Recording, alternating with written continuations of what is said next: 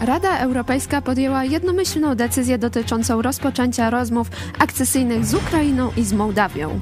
Do tej pory sprzeciwiały się tylko Węgry, ale podczas głosowania Viktor Orban wyszedł i jednomyślność została osiągnięta. Przypadek? Czy może ukartowana sytuacja? I jaki w tym udział miał Donald Tusk? A tymczasem w Polsce wychodzą na jaw kolejne afery. Orlen kupił kable za 338 milionów złotych od firmy, z którą jest powiązany wiceprezes Orlenu Michał Róg. Kolejny przypadek? Nad tym się zastanowimy dzisiaj. To jest program Idź pod prąd na żywo. Magdalena Fałek, zapraszam.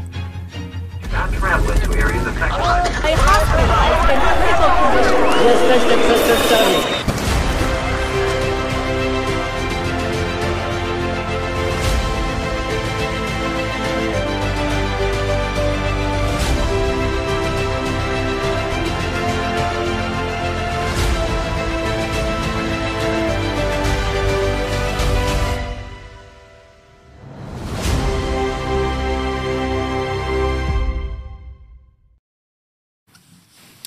Witajcie w piątek, 15 grudnia. E, Ze mną w studiu jest redaktor Michał Fałek. Witam Ciebie serdecznie. Witam Ciebie, witam Was, drodzy widzowie, dzień dobry. Później również dołączy do nas e, dr Tomasz Pawłuszko, ale to e, po naszym przeglądzie najważniejszych informacji. Ja jeszcze na samym początku zachęcam Was do komentowania, zadawania pytań na czacie i do udziału w sądzie. Mamy sondę na czacie, również w mediach społecznościowych. Ukraina w Unii i tutaj są cztery odpowiedzi. E, Pierwsza to jest szansa dla Polski, druga to zagrożenie dla Polski, trzecia bez znaczenia, czy może inaczej. Jeżeli uważacie inaczej, to e, proszę piszcie e, w komentarzach jak. A my teraz przechodzimy do przeglądu najważniejszych informacji. Nasz tytułowy temat Rada Europejska podjęła decyzję o rozpoczęciu e, negocjacji akcesyjnych z Ukrainą i z Mołdawią, e, a przed głosowaniem e, Viktor Orban wyszedł nagle i dzięki temu udało się uzyskać jednomyślność. Dlaczego w taki sposób to zostało przeprowadzone? Może mu się po prostu siku zachciało i musiał wyjść. I dzięki temu można było przeprowadzić to głosowanie i osiągnąć jednomyślność. Nie, no to na pewno mm, było dogadane. Wcześniej tego dnia miało miejsce takie śniadanie, bardzo ważne, w którym no niestety akurat Donald Tusk nie uczestniczył. Uczestniczyli, e, uczestniczyli mm, e, w nim Charles Michel, Ursula von der Leyen, e, Olaf Scholz i, e, i pan Macron. No i e, wspólna, można powiedzieć, praca tych polityków, ale też miało miejsce spotkanie e, w cztery oczy później e, Tuska z Orbanem, no doprowadziła do tego, że jednak Orban podjął taką decyzję, że nie sprzeciwi się temu ważnemu krokowi, żeby kraj, który, który toczy wojnę właśnie między innymi dlatego, że zdecydował w 2014 roku o, o tym, że chce iść w stronę Europy, że chce, o, można powiedzieć, zrezygnować, z bycia e, już takim e, no, wasalem Rosji, a chce, chce rzeczywiście włączyć się w struktury europejskie, to dlatego Rosja napadła na Ukrainę, między innymi. To był jeden z głównych powodów. No i Ukraina, znaczy jeżeli Unia Europejska by e, tutaj Ukrainie nie podała ręki, nie dała tego gestu zaproszenia rzeczywiście do rozpoczęcia rokowań akcesyjnych, no to byłoby to wielkim policzkiem, można powiedzieć, dla, dla, dla Ukrainy, dla tych, którzy tam walczą. Ciekawe, e, ciekawe słowa znaczy napisał na, na, e, na Twitterze Donald Tusk tuż po tej decyzji, że właśnie dedykuje e, tę decyzję Ukrainie i tym, którzy walczą właśnie, właśnie na tej wojnie, tak? Tym, tym bohaterom, można powiedzieć, Ukrainy, którzy walczą, walczą o jej wolność i też o to, żeby Ukraina mogła być w Europie.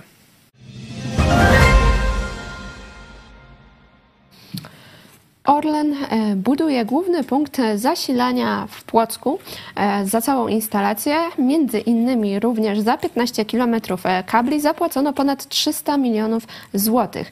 I tutaj e, spółka mówi, że wszystko było zgodnie z procedurami, jeśli chodzi o przetarg, ale pojawiają się niejasności, nieścisłości właśnie w tym postępowaniu e, przetargowym, a dodatkowo okazuje się, że wicepre- wiceprezes Orlenu jest związany z firmą, która wygrała przetarg. Przypadek? a dokładnie wszedł do zarządu tej firmy w trakcie postępowania, można powiedzieć, przetargowego, czyli wtedy, kiedy rozstrzygał się ten przetarg, kiedy już było wiadomo, że jest ten przetarg i ta firma jest jedną z firm statujących do przetargu, to pan Michał Róg, wiceprezes Orlenu, no nagle, nagle znalazł się e, w zarządzie, we władzach tej, tej spółki czy jest to przypadek. No, wiecie, to pokazuje, jak, jak geszefty i deale były załatwiane w czasach PiSu, jak e, wykorzystywano e, wszelkie zamówienia publiczne, no bo to jest spółka częściowo kontrolowana przez państwo, także to może nie jest stricte zamówienie publiczne, ale, ale rzeczywiście tutaj są wydatkowane, można powiedzieć, też pieniądze publiczne w, części. W części. Jak, jak e, no te te świnie, które tam te łby w korytach zanurzały, jak to właśnie wyglądało? Że każda, można powiedzieć, transakcja, każdy przetarg to była okazja, żeby stworzyć spółkę, żeby wejść do spółki, która miała wygrać przetarg, żeby później coś zrobić z tymi pieniędzmi. Często to nie była spółka, która miała najtańszą ofertę, tak? tylko wygrywają spółki, które miały wygrać, niezależnie od tego, czy były najtańsze, czy nie. Zazwyczaj najtańsze nie były, no bo przecież ta górka w stosunku do realnej ceny rynkowej musiała być, żeby było z czego wziąć do własnych kieszeni. No, mówi się, że, że majątki takich panów jak Obajtek e, to jest dużo, dużo więcej niż, niż, te, niż ten majątek w działkach samych czy w nieruchomościach, które, które posiada.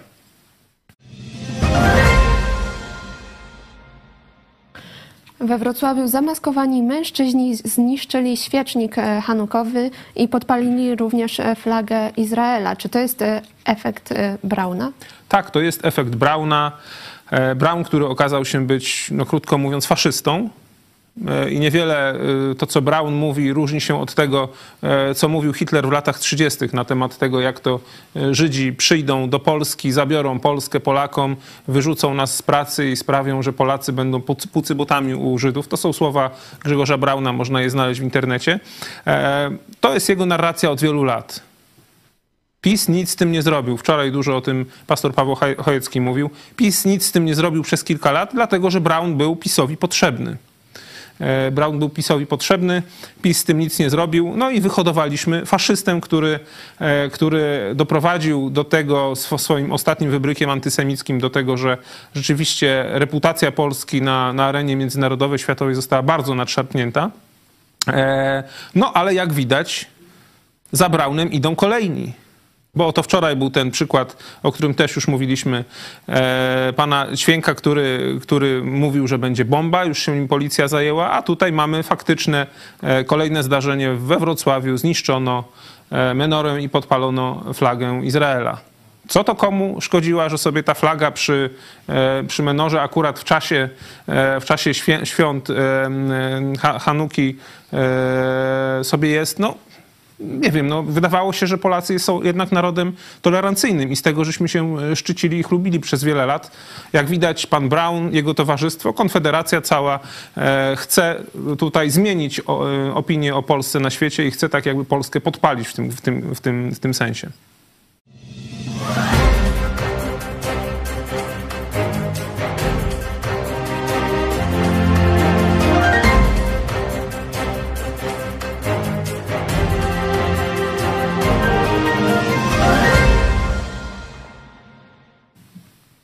A już e, teraz jest z nami dr Tomasz e, Pawłuszko, ekspert geostrategii i obronności Uniwersytet Opolski. Witam bardzo serdecznie.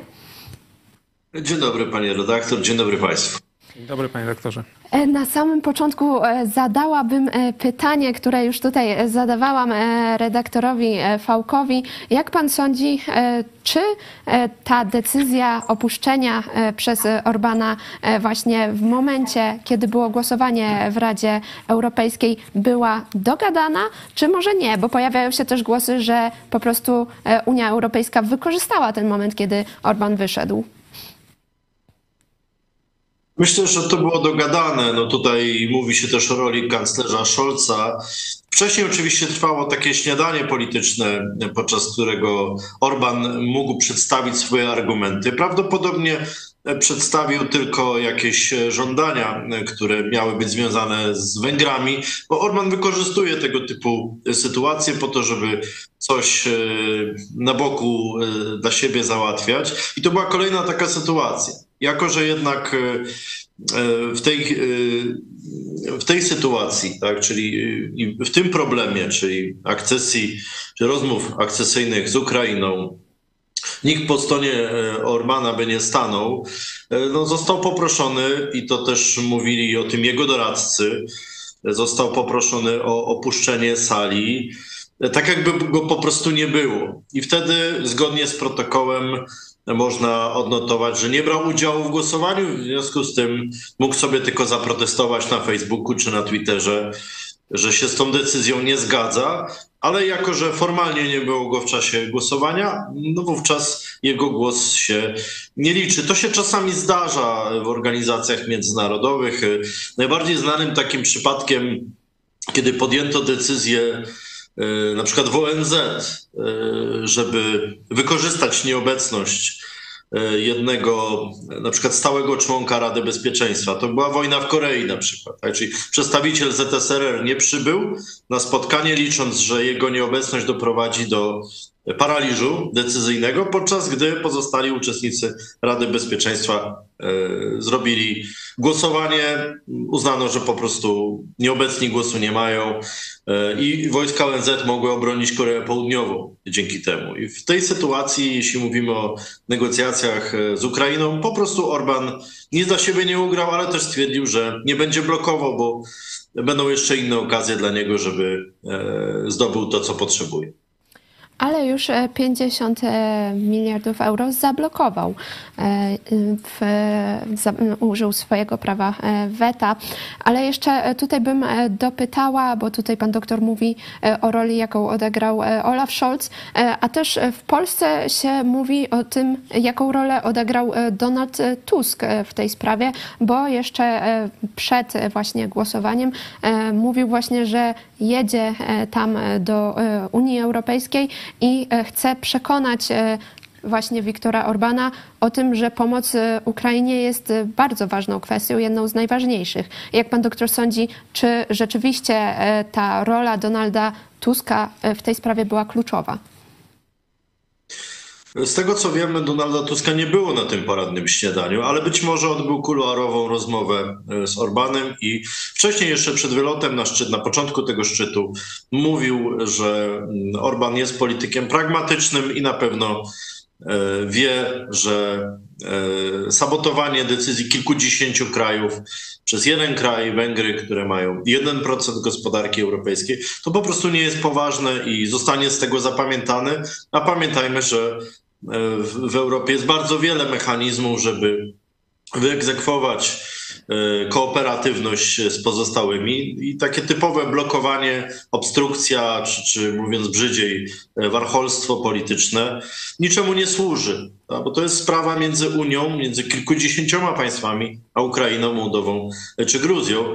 Nie jest to sprawa tylko i wyłącznie Węgier, więc blokowanie możliwości realizacji interesów kilkudziesięciu państw przez jedno państwo no to właśnie skłania Unię Europejską w tej chwili do debaty, czy nie zwiększać zakresu głosowań większościowych w miejsce jednomyślności na wypadek właśnie pojawienia się e, takich zachowań jak, jak Orbana. Natomiast co do Tuska, on tak naprawdę przyjechał tam e, no, w dniu de facto zaprzysiężenia e, więc e, on tam przyjechał do przede wszystkim się pokazać. E, oczywiście był przygotowany do szczytu, natomiast nie sądzę, żeby E, jako urzędujący premier pierwszy dzień e, miał e, tutaj jakieś większe sprawstwo w załatwianiu tych negocjacji dyplomatycznych.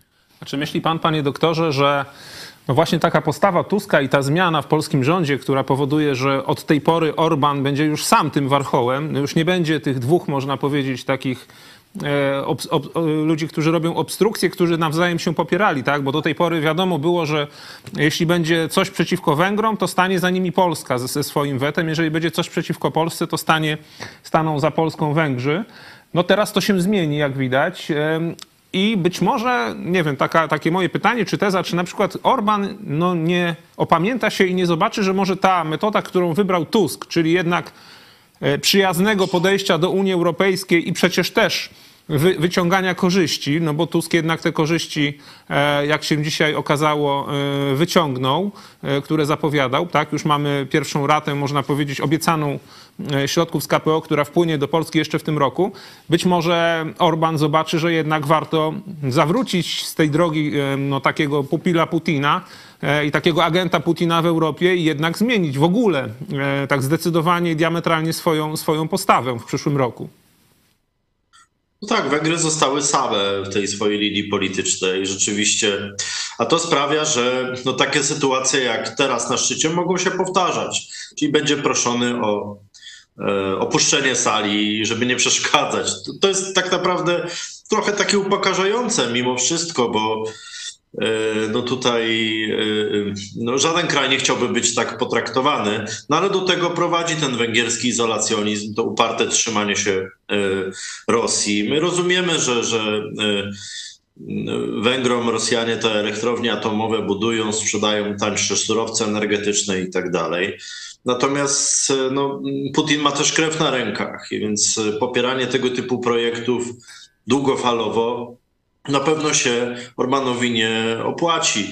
Mógłby dołączyć do Unii Eurazjatyckiej zamiast do Unii Europejskiej w, w takiej sytuacji, prawda? Natomiast no, Węgry są na tyle niedużym krajem, że też przywódcy unijni uznali, że no nie powinny sabotować tak ważnych procesów decyzyjnych, które popiera 90 kilka procent e, Europejczyków czy przywódców państw europejskich. Tak więc wydaje się, że będzie musiał przemyśleć swoją strategię, gdzie teraz ten pragmatyzm ulokować.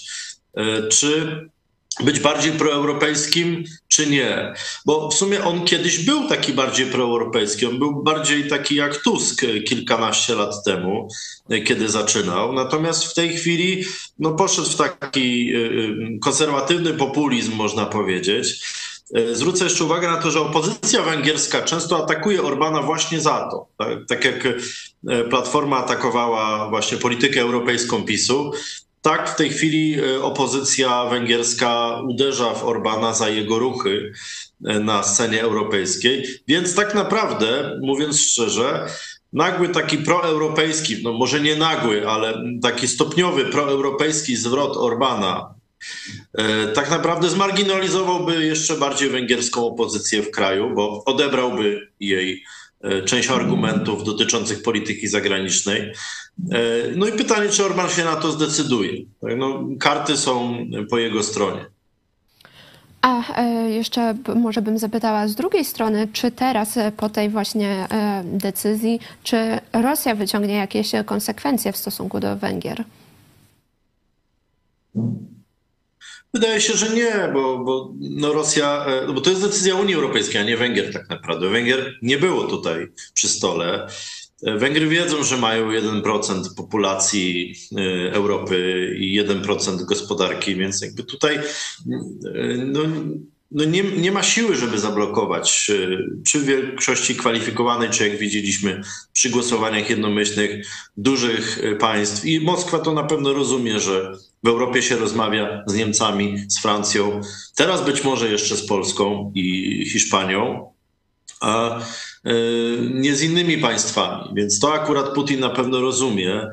E, a perspektywa członkostwa Ukrainy w Unii Europejskiej jest już dyskutowana od jakiegoś czasu, tylko że to zajmie oczywiście przynajmniej dekadę, tak mi się wydaje. No i przede wszystkim musiałaby się skończyć wojna a na razie nie widzimy jej kresu. Widzimy, że powoli rośnie liczba przeciwników wojny e, w Ukrainie. E, podwoiła się od 9 do prawie 20% w niektórych regionach kraju. No i zobaczymy, jak ta wojna będzie się toczyć przez zimę czy e, wiosną, kiedy Rosjanie mogą rzucić dodatkowe odwody i nawet w sytuacji wsparcia finansowego Ukrainy no, może dojść do ciężkich e, walk e, i też porażek. Samo oddanie Awdijewki by oznaczało na przykład, że Ukraińcy muszą się wycofać o 20 kilometrów e, wstecz na swoje terytorium, e, które mają pod kontrolą. Tak więc sytuacja jest patowa, ale no w takiej sytuacji, jak mówią raporty też analityczne w całej Europie, e, Rosja zyskuje, bo Rosja mobilizuje ćwierć miliona chłopaków rocznie, więc za pięć lat będzie miała dodatkowy milion żołnierzy. Stąd te raporty alarmistyczne E, żeby Europejczycy w końcu wzięli się w garść, niezależnie od tego, co zrobią Amerykanie i e, zajęli się realnymi inicjatywami politycznymi i też obronnościowymi. Jeszcze e, w takim razie może bym e, chwilę e, chciała porozmawiać o samym wejściu właśnie Ukrainy do Unii Europejskiej, bo tutaj oczywiście pojawiają się różne głosy, między innymi na przykład taki, że wejście Ukrainy do Unii Europejskiej może być zagrożeniem dla Polski, szczególnie jeśli chodzi o konkurencję gospodarczą. Czy zgadza się pan doktor z taką opinią? No ja mówię o tym od lat, że e, e, teoretycznie e, ukraińscy rolnicy będą konkurencją dla polskich rolników po prostu.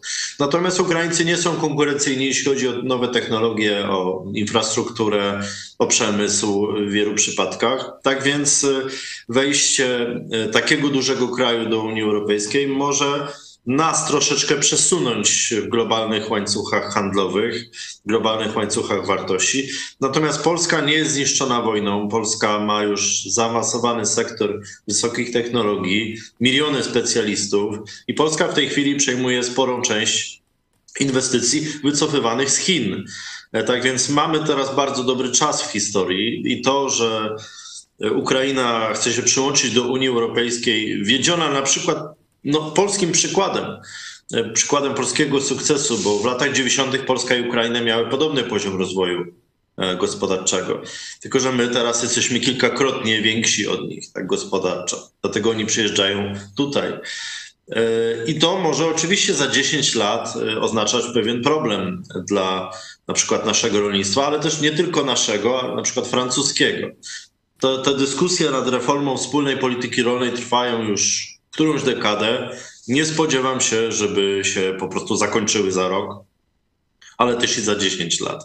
Tak więc mamy spory okres przejściowy e, po to, żeby się zastanowić, w którą stronę nasza gospodarka powinna zmierzać, żeby podtrzymać konkurencyjność, żeby ukraińska e, akcesja do Unii Europejskiej e, nam nie zaszkodziła. Tutaj jeszcze właśnie e, Ciebie zapytam, ale najpierw przypomnę naszym e, widzom, że możecie brać udział w sądzie, która jest na czacie i również e, w mediach społecznościowych. Właśnie oto jest pytanie, czym będzie dla Polski wejście Ukrainy do Unii Europejskiej? Czy szansą, czy zagrożeniem, czy może bez znaczenia, czy może jakoś inaczej? A jeżeli inaczej, to zachęcam Was do pisania na czacie i pytanie do redaktora Michała Fałka, czym będzie to wejście dla Ukrainy do Unii Europejskiej? Ja jako człowiek e, taki, można być optymistyczny z natury, powiem, że może to być szansą. Może być szansą. E, tak jak wejście Polski do Unii Europejskiej było wielką szansą wykorzystane przez Niemcy. E, i rzeczywiście Niemcy na tym bardzo zyskały, ale Polska też w jakimś sensie. E, no, trzeba też, można powiedzieć, tak jak pan doktor powiedział, znać, znać swoje miejsce i swój potencjał. E, to Polska jest, można powiedzieć, największym sąsiadem Ukrainy. To przez Polskę biegną wszystkie najważniejsze szlaki komunikacyjne do Ukrainy i to polskie firmy będą miały szansę rzeczywiście i inwestować e, w odbudowę i w rozwój Ukrainy. Owszem, będziemy tutaj konkurowali z firmami z Niemiec, z Francji e, czy z Hiszpanii, ale jest to dla nas szansa. Jest to dla nas szansa między innymi też dlatego, że Ukraińcy rzeczywiście są Polsce wdzięczni. Tak? Ja jak byłem właśnie w Ukrainie w tym roku, to, to rzeczywiście widziałem tę wdzięczność w takich, takich kontaktach osobistych ze zwykłymi Ukraińcami. Oni bardzo na Polskę liczą, bardzo są Polsce wdzięczni jest całkiem, można powiedzieć, przepaść, jeśli chodzi o podejście do Polski, a podejście do innych krajów, narodów Europy, szczególnie zachodniej, mimo iż tam też dużą pomoc otrzymują, już nawet większą w tym momencie niż Polska pomoc, ale oni wiedzą, że to Polska ich uratowała i wiedzą, że Polska jest ich, można powiedzieć, takim adwokatem w Unii Europejskiej. Oni wtedy, ja byłem w trakcie tego kryzysu pierwszego e, zbożowego i oni naprawdę bali się, bali się w takich rozmowach prywatnych, że Polska ich zostawi no i że jeżeli Polska ich zostawi, to oni już są w tym momencie na przegranej, można powiedzieć, pozycji w rozmowach właśnie z Europą. Także to jest wielka szansa dla Polski i myślę, że tutaj nawet słowa Donalda Tuska podczas expose i te jego pierwsze decyzje pokazują, że no dzięki Bogu chyba mamy premiera, który może jeszcze być lepszym, można powiedzieć, partnerem e, w kontaktach polsko-ukraińskich, jeszcze lepiej wspierać Ukrainę, też nie zapominając o polskich interesach. Bo na przykład dzisiaj e, kandydaci na, na wiceministrów rolnictwa są tam właśnie w Medyce, pan Kołodziejczak między innymi i oni no, chcą ten problem, który, który powstał, który no też no, wiemy jak powstał, tak, i kto za tym stoi, a można powiedzieć, kto na, tym, kto na nim zyskuje, no to, to można powiedzieć, kto miał, kto mógł w palce w tym maczać. Chodzi oczywiście o Rosję i rosyjskie wpływy, no to ten problem chcą rozwiązać już politycy, którzy przejęli władzę, ale też no nie tak, żeby Polacy na tym stracili, że polskie interesy muszą być zadbane. E, I no ja mam nadzieję, że rzeczywiście Polska, e, Polska to wykorzysta i to będzie taka okazja do, do takiego obopólnej korzyści w przyszłości i dla Polski, i dla Ukrainy. Ale tutaj jeszcze e, dopytam, bo e, wspomniałeś właśnie o e, konflikcie zbożowym, a takich konfliktów, odkąd się zaczęła wojna między Polską a Ukrainą, jakieś właśnie takiego niedogadania się było sporo takich rzeczy, czy właśnie protest przewoźników, czy właśnie tutaj konflikt zbożowy, czy jeśli chodzi o mrożonki owocowe, o to też był konflikt. Czy właśnie, bo tutaj to mówisz o tej perspektywie osób e, takich właśnie, z którymi rozmawiałeś, a z tej perspektywy e, tutaj rządzących to może niekoniecznie tak e, pozytywnie wygląda i jak to będzie wyglądać później w, właśnie w Unii Europejskiej, to dogadywanie się Polski i Ukrainy. Pan doktor Pawłuszko. Mnie się wydaje, że obecny rząd powinien po prostu powołać ministra pełnomocnika do spraw współpracy z Ukrainą, czy wiceministra spraw zagranicznych zajmującego się tylko Ukrainą. Mógłby to być na przykład Paweł Kowal, który się tym, tą tematyką zajmuje od wielu lat. Po to, żeby zasygnalizować też z naszej strony, że jest wola polityczna, żeby się dogadać. Bo takie e, e, wymachiwanie szabelką, czy jakby no, zaczynanie sporów w środku tygodnia, e, a wcześniej niepilnowanie różnych tematów. To się do tej pory zdarzało. Tak jak pani redaktor mówiła, te konflikty były, ale też są i będą, więc e, lepiej je rozwiązywać po prostu na bieżąco. Zgadzam się w zupełności. Rzeczywiście e, podniesienie rangi poprzez no, z Ukrainą, poprzez na przykład powołanie wiceministra, uważam, że to byłby znakomity znakomity krok. Nie? Wielu jest takich urzędników. My mieliśmy okazję w Lublinie poznać w ratuszu urzędnika, który, który naprawdę, no, dyrektora e, wydziału, który właśnie już jak tylko wojna się zaczęła, e, to, to całe serce włożył we wspieranie Ukrainy. Bardzo tutaj lubelski urząd miejski pomagał. No, jest to człowiek, który mówi biegle po, po, po ukraińsku, po rosyjsku, po polsku, oczywiście po angielsku, niemiecku. Także takich, takich ludzi myślę, że wielu by się w Polsce znalazło, którzy by mogli służyć tej sprawie. E, tutaj też e, na czacie e, komentarz Waldek Bez. Strategia państwa powinna być na dekady, a nie na miesiące. Tak przypomina. I również dostałam komentarz tutaj Rafał Stoisiek. Fajnie znowu widzieć i słyszeć pana Pawłuszko w naszej telewizji. Także taki komentarz od naszego. Dziękuję, miło mi. Ja również e, dziękuję e, panu doktorowi bardzo e, za udział w naszym programie. Dzisiaj był ze mną dr Tomasz Pawłuszko, ekspert geostrategii i obronności Uniwersytet Opolski. Dziękuję bardzo. Dziękuję bardzo, pozdrawiam. Dziękujemy. A my teraz zapraszamy Was na krótką relację ze wczorajszego spotkania z poseł Małgorzatą Gromacką, która mówi o tym, jak zwyciężyła w bastionie PiSu. Zadzwonili do mnie y, z biura krajowego, że y, czy mogę przemawiać w oświadczeniu klubu po ekspoze Donalda Tuska. Ja jechałam akurat wtedy do Warszawy, słuchajcie, i myślę sobie, ja? Ja będę przemawiać?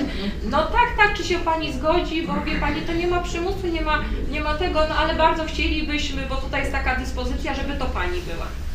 No to ja myślę Szefowi sobie... się nie odmawiasz. E, a ja myślę sobie, no oczywiście, bez żadnego e, problemu, oczywiście, że wystąpię, jest to wielkie wyróżnienie. Nie chciałam, żeby to przypadło e, komuś innemu, e, bo chciałam też, żeby wybrzmiał kolejny raz ten nasz region wschodni. żeby tutaj, żeby nasza Lubelszczyzna została zapamiętana i utrwalona. Może proszę Państwa, zacznijmy tak. Małgorzata Gromacka. Dzień dobry. Najmłodsza posłanka w naszym województwie z okręgu numer 7, która e, zdobyła z drugiego miejsca ponad 10 tysięcy głosów i tym sposobem e, znalazła się w Sejmie. Jaki był najtrudniejszy moment w e, kampanii e, posłanki Małgorzaty Gromackiej? Trudnym takim problemów to były takie bezpośrednie kontakty chyba z wyborcami PiSu, gdzie po prostu dostawaliśmy za nic. Za to, że nosimy serduszko na piersi, za to, że reprezentujemy partię. Dostawało nam się, e, że jesteśmy Niemkami, że jesteśmy, mamy puste serca, e, że powinnyśmy iść do, wręcz do piekła. Też takie hasła były. To, że u nas e, króluje elektorat dla PiSu, generalnie na, na Lubelszczyźnie, a zwłaszcza w środowiskach wiejskich, to nie znaczy, że wszyscy nawet tam tak samo myślą. Na spotkaniu mówiła Pani, że gdyby mm, Platforma przegrała, gdyby też Pani się nie udało, to nawet spodziewała się Pani wraz z mężem, że Pani pójdzie e, do więzienia. Czy tak rzeczywiście było? Myśleliśmy, że już, no jeżeli po prostu pra Zjednoczona Prawica dojdzie do władzy, to jesteśmy w stanie się wszystkiego e, spodziewać. To był ostatni moment e, tak naprawdę na jakiekolwiek działanie, bo kolejne cztery lata to mi się wydaje, że ten nasz kraj e, byłby już totalnie, e, totalnie zaprzepaszczony, mówiąc krótko, a młodzi ludzie, którzy mnie zaczepiali, mówili tak, zróbcie coś, zróbcie coś po prostu, bo my nie będziemy mieli tu życia. E, Będziemy musieli wyjeżdżać e, za granicę. E, Ja na przykład ja nie bałam się zachęcać do, do promowania kandydatki pani Małgorzaty Gromackiej. Ja pokazywałam jej dobre strony. Ja zachęcałam młode kobiety, żeby głosowały na młodą kobietę. Pamiętaj, Małgorzata, że prawda się zawsze obroni. Co by nie było, dlatego trzeba wierzyć w tą swoją prawdę i postępować zgodnie ze sobą, bo mówiąc krótko, ja nie mogłabym postąpić inaczej, nie mogłabym przejść do innego ugrupowania. E, lubię politykę, e, długo działam w polityce i uważam, że, e, że nie mogłabym sobie spojrzeć, e, tak jak mówiłam tutaj w lustro, jeżeli, e, jeżeli bym miała po prostu popełnić coś albo mówić niezgodnie z prawdą, albo manipulować e, przestrzenią publiczną. Ja po prostu jestem sobą. Ja jakby dając swoją osobę i przedstawiając siebie jako katolika, matki czwórki dzieci, rolniczkę ze wschodniej Lubelszczyzny, to w ogóle ja dla nich byłabym idealną kandydatką. Natomiast Tutaj e, pokazaliśmy, że również w koalicji, w Platformie są tacy ludzie, tacy ludzie i że ludzie też powinni, e, społeczność się zastanowić, dlaczego taka ja jestem akurat w Platformie, a nie jestem w PiSie. Że ja powinna być w PiSie. Dziękujemy naszej ekipie za przygotowanie e, relacji e, z właśnie tego e, wydarzenia. My już będziemy przechodzić do polskich tematów. Tutaj mówiliśmy o zagranicy, a teraz będziemy mówić o Polsce. Orlen. Tutaj. A mogę się odnieść Tak, oczywiście, proszę bardzo. No właśnie ciekawe były na koniec słowa pani, pani Małgorzaty, że powinnam być w PiSie z tym, jaka jestem, a nie jestem, nie? że jestem w Platformie.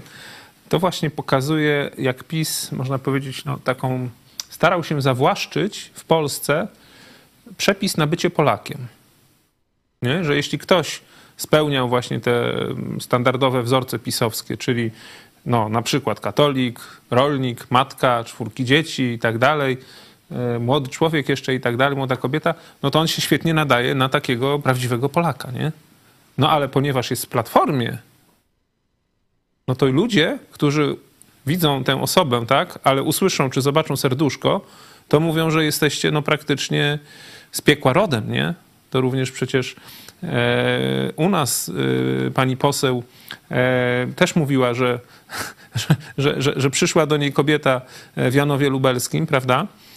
I I co, jak zobaczyła krzyż, to mówił, o, to ja się tutaj dziwię, bo myślałem, że jestem właśnie u jakiegoś antychrysta, tak?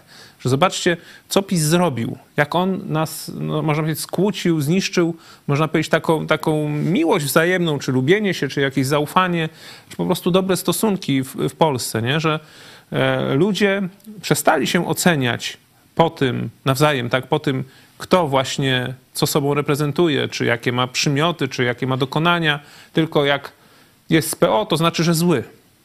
To znaczy, że praktycznie potwór trzeba go zniszczyć, najlepiej wyrzucić ze społeczności, e, sekować, krzywdzić i tak dalej. Do tego PiS doprowadził. I za to PiS jest odpowiedzialny i za to PiS powinien i będzie rozliczony. To o tym na koniec nie zapomnijmy powiedzieć, co mecenas Giertych już zaczął robić.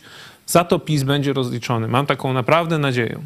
To e, poseł e, Wcisło mówiła właśnie o tym antychryście, o tym, jak e, przeszła właśnie e, pani i mówiła, że e, tutaj myślała, że to antychryst, a tutaj, jak wspomniałeś, właśnie Giertych już złożył pięć zawiadomień Do prokuratora generalnego, tak. przestępstwa. E, tak, a my właśnie przechodzimy teraz już e, do polskich e, spraw e, tym sposobem. Dużo E, się dzieje w Polsce w ostatnim czasie, naprawdę. Kolejna afera związana z Orlenem. E, Tutaj e, był e, przetarg, e, jeśli chodzi e, o budowę głównego punktu zasilania w Płocku. E, No i tutaj e, w tym składa się na to transformatory, rozdzielnie, no i też kable. E, Dlatego stąd jest cała afera, jeśli chodzi o kable. Kablowa. Tak, e, bo tutaj jest e, 15 kilometrów e, nowych kabli ma e, być e, położone. No i na to wszystko 338 milionów Nie złotych. na same kable, na wszystko. Kable na to tam wszystko, powiedzmy na 10 wszystko. czy kilkanaście milionów. A afera jest, chodzi o to, że no to nie była najtańsza oferta, która e, została zaproponowana w tym przetargu, no a powinni wybierać najtańsze oferty. Nie zostało to wybrane. Tutaj e, Dwie tańsze Orlen- oferty nie spełniły, e, no, można powiedzieć, uzna, nie, nie, uznania Orlenu, tak? Tutaj A Orlen dokładnie, tak, bo tutaj Orlen mówi, że zostały spełnione wszystkie procedury. no właśnie. E, się tłumaczą, wydali właśnie e, oświadczenie, że wszystkie procedury zostały e, spełnione, że procesy są realizowane wieloetapowo w warunkach konkurencyjności ofert przy udziale zespołów złożonych z przedstawicieli tutaj różnych obszarów. Także tutaj zostały spełnione wszystkie te procedury. No i jeśli chodzi o te dwie tańsze oferty, to e, jak e, tutaj e, wynika z tutaj Moni.pl przeprowadziło dochodzenie, to wynika, że po prostu zostały, te tańsze oferty miały status niezaakceptowany, ponieważ nie zostały zweryfikowane, a firma, która wygrała przetarg, weryfikacji przechodzić nie musiała, ponieważ zgodnie z wewnętrznym zarządzeniem weryfikacji nie podlega spółka, która należy do grupy kapitałowej Orlenu. Zależna od Orlenu częściowo. No, ale myślę, że powód prawdziwy tej, tego braku weryfikacji tańszych ofert polegał na tym, że jeśli by te firmy tańsze wzięły ten kontrakt, no to wtedy nie dałoby się przy okazji nakraść. A tak to wygrała firma, która nie musi być zweryfikowana, bo jest to nasza firma, gdzie tam mamy już tam swoich ludzi, swoje kontakty, swoje ścieżki, jak wyciągnąć pieniądze. I właśnie później okazało się, że w jedną z firm w tym konsorcjum, które wygrało, e, była firma, gdzie w zarządzie tej firmy zasiada, a dokładnie pojawił się pan Michał Róg, wiceprezes Orlenu. Przypadek? I takich Tutaj- właśnie smaczków na pewno okaże się, czy wyjdzie w najbliższych tygodniach, miesiącach dużo, dużo więcej. Dużo, dużo więcej. Szczególnie teraz już właśnie po dojściu Do władzy, ale zobaczcie, że przecież była cała afera też niedawno, kilka miesięcy temu, że Najwyższa Izba Kontroli chciała wejść do Orlenu i co pan Obajtek powiedział? Nie wolno. On nie wpuścił kontrolerów Najwyższej Izby Kontroli do spółki, gdzie Skarb Państwa ma prawie 50% udziałów. Prawie 50% udziałów. Naprawdę ten Orlen to okaże się, jak tam już pan Obajtek zostanie wywalony na zbity pysk, bo obiecywał sam, sam obiecał podczas wywiadu prasowego, że no, jeśli przegra y, PiS wybory i straci władzę, to on, będąc człowiekiem honoru, zrezygnuje z prezesowania Orleno, Orlenowi. Myślisz, że rzeczywiście ma ten honor? No, nie okazało się, że, że, że jest małym człowiekiem bez, bez żadnego honoru. Po prostu małym takim e, krętem. E, zresztą być może zostanie odwieszone postępowanie prokuratorskie, które zostało zawieszone, kiedy PiS doszedł do władzy i pan Obajtek zaczął piąć się, można powiedzieć, w hierarchii biznesowej, bo on miał, miał mm, prokuratorskie e, postępowanie za jego tam grzeszki e, w Pcimiu. To tak jak z takiego innego filmu z Półtuska był, nie? Taki Stanisław Anioł, który właśnie później się wziął za, e, za administrowanie całym osiedlem. No to właśnie Obajtek jest dla mnie tego typu człowiekiem, taki można powiedzieć dyzmat dzisiejszych czasów. Bardziej, że właśnie Stanisława Anioła grał ten sam aktor, który grał Nikodema Dyzmę w serialu pan Roman, Roman Wilhelmi, znakomity aktor. No i właśnie Obajtek jest dla mnie takim dyzmą, e, który być może by nawet został premierem, bo też mówiło się tak w kuluarach, że może po Morawieckim, jak nie Czarnek, to może Obajtek by się nadawał. Dzięki Bogu ten scenariusz się nie spełnił, no bo co to by było, no to wystarczy obejrzeć właśnie serial o Nikodemie Dyźmie. Dzięki Bogu tego nie ma, a jest szansa wyczyścić tę stajnię Augiasza i wsadzić do pierdla tych złodziei, między innymi Obajtka czy innych, którzy, e, którzy po prostu uwłaszczali się na grube miliony na pieniądzach należących do wszystkich, można powiedzieć, bo to przecież my Polacy płacimy, płacimy w cenie paliwa i cała gospodarka, można powiedzieć, płaci koszty e, w wysokiej cenie paliwa za to, żeby pan Obajtek i jego koledzy mogli kraść miliony. E, tutaj właśnie Orlen e, przekonuje w oświadczeniu, że nie ma w ogóle mowy o konflikcie interesów, a mi się wydaje, że nawet ten interes został ubity. Także. E, a jeśli chodzi właśnie o zmiany, to już nastąpiła jedna zmiana, bo tutaj minister aktywów państwowych odwołał panią Janinę Gros ze składu Rady Nadzorczej i tutaj się mówi, że jeszcze pięć takich odwołań i będzie można zmienić. Tylko, że problem polega na tym, że minister aktywów państwowych ma prawo do e, wymiany jednej osoby w Radzie Nadzorczej. To nie jest tak, że jutro sobie odwoła kolejną. E, śledziłem tę sprawę. Rzeczywiście pani Janina Gos została odwołana jako właśnie ta jedna osoba. To jest mm, przyjaciółka Kaczyńskiego, wieloletnia. Myślę, że łatwo znajdziecie zdjęcie pani Janiny Gos. Może nasza grupa techniczna jakiś, jakiś tweet znajdzie. E, podobno e, panią Janiną Gos interesuje się już wiele koncernów naftowych. Słyszałem zapytania z BP, z Exxon e, Mobil, z Circle K, no bo przecież to jest no taki można powiedzieć wybitny umysł, jeśli chodzi o znajomość branży petrochemicznej. Naprawdę wybitny umysł, jeśli chodzi o znajomość branży petrochemicznej, także powinna no teraz być no, na celowniku największych koncernów, skoro już Orlen, Orlen ją zwolnił. Także no, te koncerny mogą teraz startować w wyścigu po jej usługi, ale słyszałem, że też podobno interesuje się mikro, Microsoft i Google, e, no bo to jest wysokiej klasy specjalistka, także kto wie, jakie będą dalej, dalej jej losy. Na razie już Orlen jest od niej wolny. Także e, te losy e, będziemy śledzić, a my teraz przechodzimy do kolejnego tematu. Wracamy jeszcze do Grzegorza Brauna.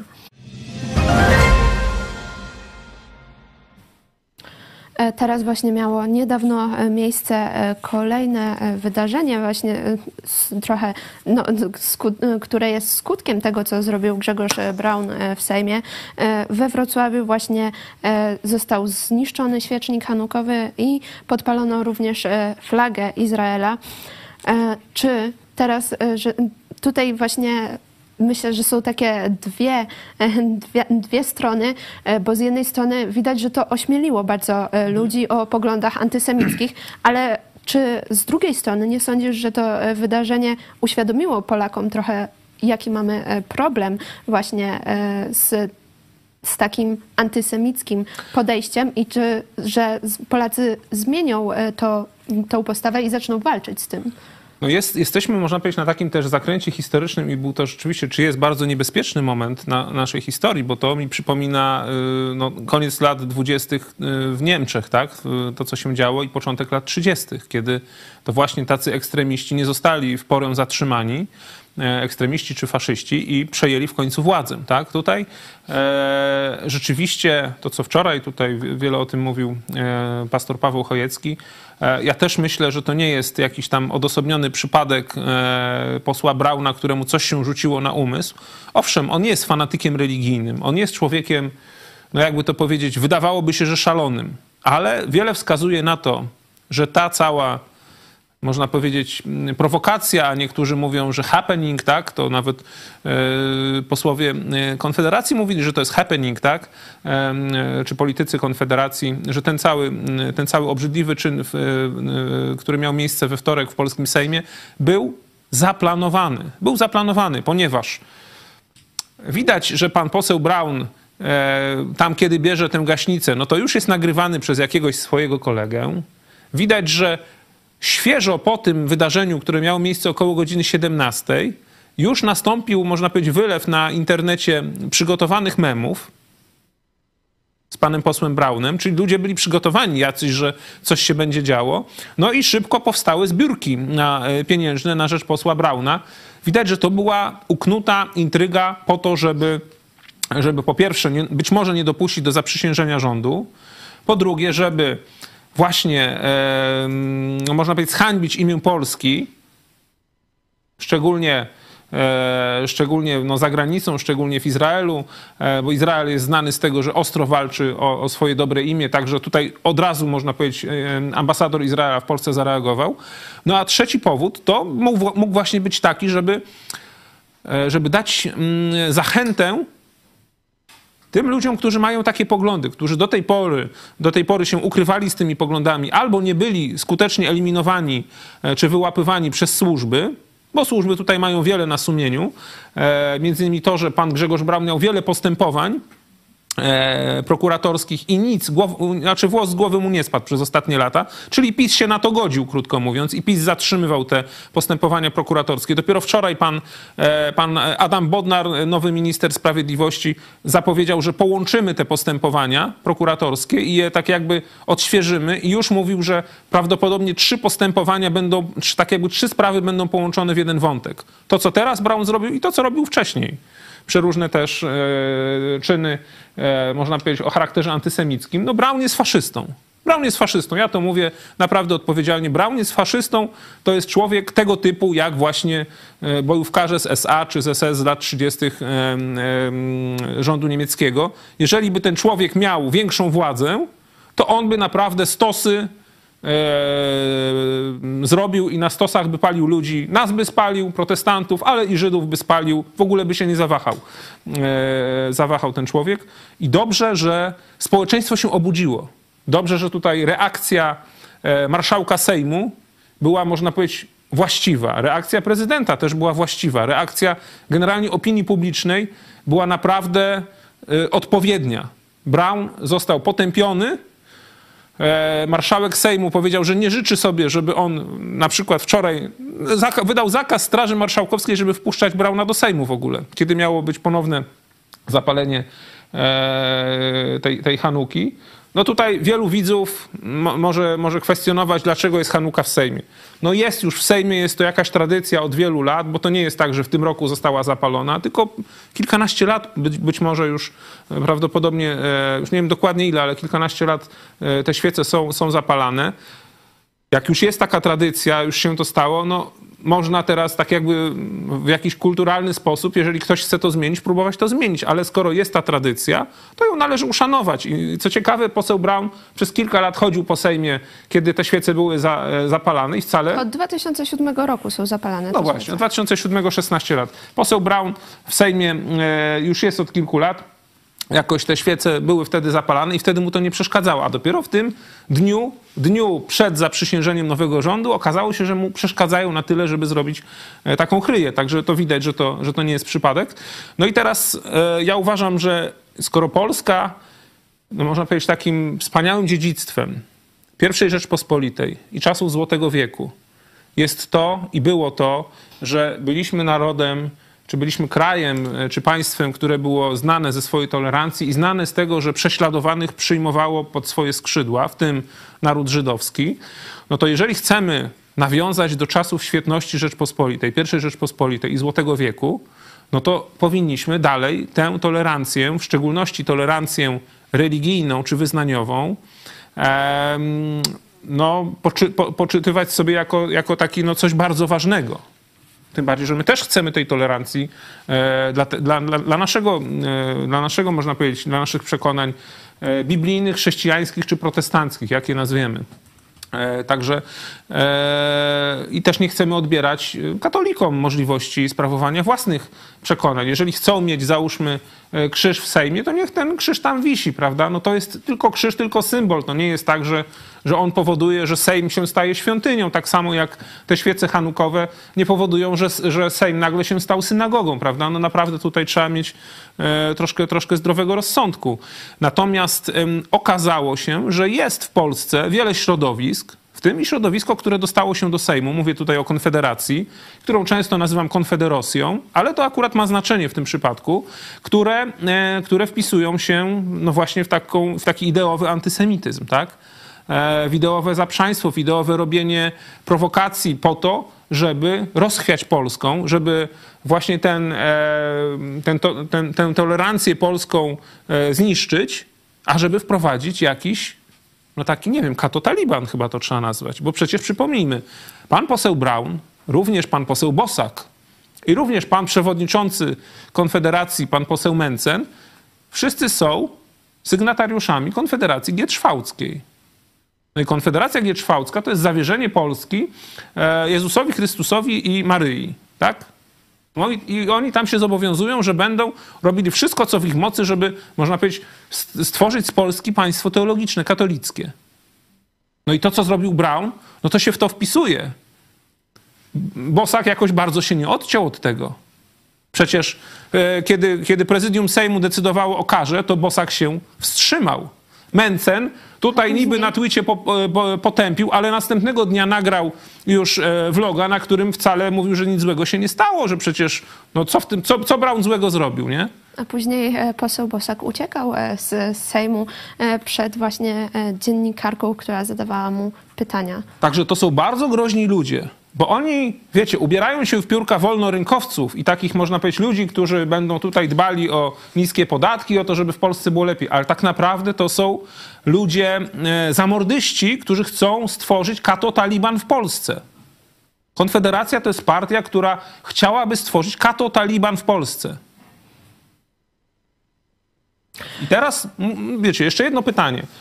Czy powinniśmy tylko o tym wiedzieć, czy powinniśmy coś z tym zrobić? Czy na przykład służby, które sobie lekceważyły Brauna zarządów PiSu, służby specjalne, które właśnie mają dbać o na przykład bezpieczeństwo wewnętrzne państwa, nie powinny teraz e, zająć się kontaktami Brauna, czyli sprawdzić tropów rosyjskich na przykład, tak? Bo takich tropów jest pełno w osobie pana Brauna. Wiele razy o tym tutaj mówiliśmy, z kim on się e, spotykał, z kim robił zdjęcia i skąd brał pieniądze, tak? Albo w jakich filmach występował, w jakim języku mówił. Także e, być może jest czas, żeby zobaczyć, skąd konf- Konfederacji e, te nogi wyrastają. Czy to są polskie, czy może z, z Moskwy wyrastają nogi Konfederacji. I być może to jest, e, wiecie, no, trzeba by się zastanowić nad, nad zobaczeniem, że może to nie jest zwykła partia polityczna, tylko to jest może organizacja wywrotowa, która chce zmienić e, porządek konstytucyjny w Polsce. Jeszcze tutaj przy okazji możemy powiedzieć, bo mówimy o skutkach właśnie na przykład we Wrocławiu, że e, nastąpiło zniszczenie świecznika i podpalenie flagi, ale tutaj są skutki też takie e, bardzo bliskie, bo e, lekarka, która próbowała właśnie powstrzymać Grzegorza Brauna, no to została spryskana tą gaśnicą w twarz przez niego. I e, później e, napisała, e, że poczuła się gorzej, straciła przytomność, trafiła do szpitala, a teraz dalej wciąż nie może mówić. Odzyskać zdrowia. Ile musi, ile musi trwać rozstrój zdrowia, żeby był poważniejszy zarzut? Trzy czy siedem dni? E, Siedem. Wię- Więcej, więcej niż trzy na pewno. Więcej niż trzy. No może się skończy tak, że pan Brown będzie miał jeszcze poważniejsze zarzuty, nie tylko do dwóch lat zagrożenia, czy tam już ma zarzuty, które mu grożą do pięciu lat y, pozbawienia wolności, tylko może okaże się, że pan Brown rzeczywiście będzie miał czas, przynajmniej całą kadencję y, skorzystać z programu Cela Plus. Wcale bym, wcale bym się źle, źle z tym nie czuł, bo naprawdę takich ludzi trzeba izolować. Tutaj właśnie e, też e, pani e, Magdalena Grudzińska-Adamczyk, właśnie ta lekarka, która została spyskana tą gaśnicą, pisała później, że w oczach tego człowieka widziałam tylko nienawiść. Pan Brown powiedział do mnie, że ja i tacy jak ja to wstyd i że nie jestem kobietą, ale znam siebie, wiem kim jestem i co mam do zaoferowania społeczeństwu. No i teraz właśnie pytanie, czy to jest fanatyk religijny zaślepiony przez to, czy człowiek niespełna rozumu, czy być może jest to człowiek niebezpieczny, niebezpieczny, który, którym trzeba się zająć we właściwy sposób. Mówię o panu Braunie oczywiście. A e, my teraz e, sprawdźmy wyniki sądy, która była e, na czacie i właśnie w mediach społecznościowych.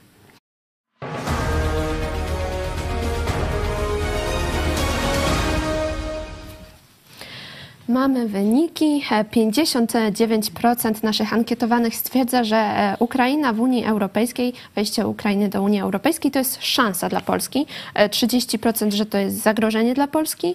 E, 5% że to nie ma znaczenia, a 6% stwierdza, e, że inaczej. Większość widzów zgadza się z tym, co mówiłem.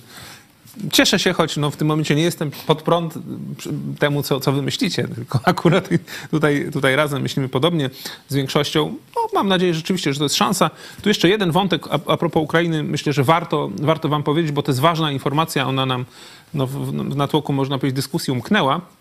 Ale mówiliśmy wcześniej o tym w ostatnim naszym programie, że decydujący będzie ten tydzień, jeśli chodzi o pomoc amerykańską. Dlatego, że do dzisiaj Kongres i Senat miały obradować i już później po 15 e, grudnia kongresmeni i senatorzy mieli pojechać na przerwę świąteczną w Stanach Zjednoczonych, co by oznaczało, że nie uchwalą finansowania dla Ukrainy.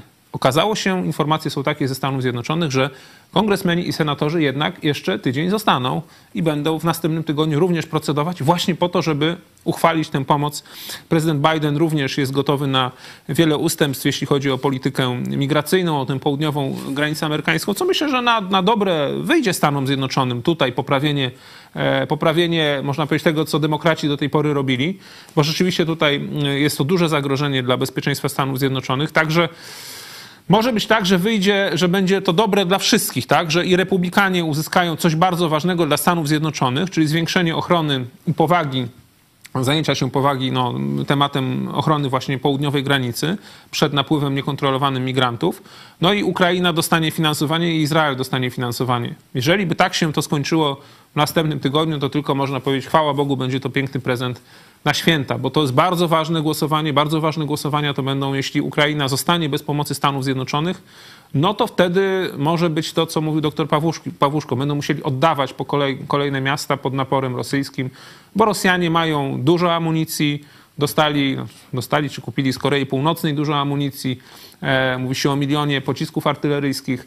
E, tego mięsa armatniego mają cały czas dużo, mm, cały czas rekrutują e, w więzieniach, e, rekrutują ochotników, po prostu płacąc wielkie pieniądze jak na, jak na ruskie standardy. Ludzie idą po to, żeby wyrwać się z biedy, można powiedzieć, to idą na wojnę, bo mają nadzieję, że przeżyją miesiąc czy dwa i wrócą zarobieni. Nie? Wielu z nich po prostu odda życie i oddaje życie tych Rosjan, ale część być może jeśli nie zostaną oszukani, no to jakoś ten swój los polepszą. E, Natomiast Ukraińcy, no dla nich przede wszystkim najwa- naj, naj, najważniejszym krytycznym zasobem to są ludzie. E, No, ale oprócz ludzi potrzebne są tym ludziom środki do walki, czyli amunicja. Są takie informacje z, z, z ukraińskich oddziałów, że od ostatniego lata, czyli od właśnie czerwca, lipca, dostają coraz mniej amunicji, właśnie tam gdzieś tam koło Awdijiwki i tak dalej, tam gdzie są najcięższe boje, że dostają za każdym powiedzmy tam tygodniem czy miesiącem mniej, mniej, mniej, mniej amunicji. Także e, to mamy nadzieję właśnie, że e, teraz w Stanach Stany Zjednoczone się ogarną w końcu. Mhm. e, zostanie przegłosowane, a my przechodzimy już e, do ogłoszeń. Tutaj widzicie na naszym stole jest nowy numer gazety Idź pod prąd. Możecie go znaleźć już w Empikach, także zachęcamy do kupowania i zapoznania się, przeczytania. Protestuję, bo jeszcze jeden temat obiecałem widzom, że powiemy, no króciutko, dwie minuty. Proszę bardzo. O panu Giertychu. A no tak, rzeczywiście. Naprawdę, y, jak korzystacie z internetu, zajrzyjcie sobie na kanał pana Giertycha, posłuchajcie filmu, dosłownie tam 18 minut. E, Pan Roman Giertych okazał się być człowiekiem, który wrócił do Sejmu z jednym celem. E, Po to, żeby rozliczyć PiS. I mówi, że miał rozmowę z Donaldem Tuskiem, e, umówił się z nim, że jego zadaniem podczas tej kadencji będzie jedna rzecz: rozliczenie PiSu. Robi to, co ciekawe, społecznie. Żadnych pieniędzy za to nie chce. Nawet rezygnuje, e, można powiedzieć, z uposażenia poselskiego. No, z diety chyba nie może zrezygnować, no to będzie musiał ją mieć, ale mówi, że przeznaczy dietę w całości również na, na działania polityczne. E, I można powiedzieć, postawił sobie za punkt honoru swój cel i misję rozliczenie tego, co PiS zrobił, e, no tych można powiedzieć całych zbrodni przez lata rządzenia. I już pan Giertych, e, nie wiem czy to zrobił faktycznie wczoraj, czy dzisiaj to zrobi, ale już mówi, że składa pięć zawiadomień o popełnieniu przestępstwa, a dokładnie o pięciu grupach przestępczych do prokuratora generalnego, czyli do, e, do ministra sprawiedliwości pana Bodnara, E, I te pięć zawiadomień o pięciu grupach przestępczych to jest grupa przestępcza w TVP. To chyba nie muszę rozwijać. Grupa przestępcza, no w samej, można powiedzieć, wierchuszce PiSu związana z tym okradaniem, z uwłaszczeniem, czyli można powiedzieć grupa, która zajmowała się okradaniem czy, czy przestępstwami gospodarczymi, to druga gru, grupa przestępcza. Trzecia grupa przestępcza to jest grupa działająca w prokuraturze.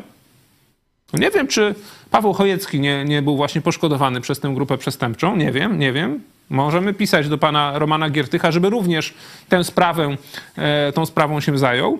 No i czwarta grupa przestępcza to jest związana z Ministerstwem Sprawiedliwości i sądami. Czyli tutaj było właśnie sekowanie sędziów, niszczenie sędziów, e, całe te machlojki w tych radach sądowych i tak dalej. No i piąta grupa przestępcza związana ze służbami specjalnymi, tutaj sprawa Pegasusa. Czyli zobaczcie, człowiek, który no, wielokrotnie go krytykowaliśmy w przeszłości, tak jak krytykowaliśmy wielokrotnie Tuska.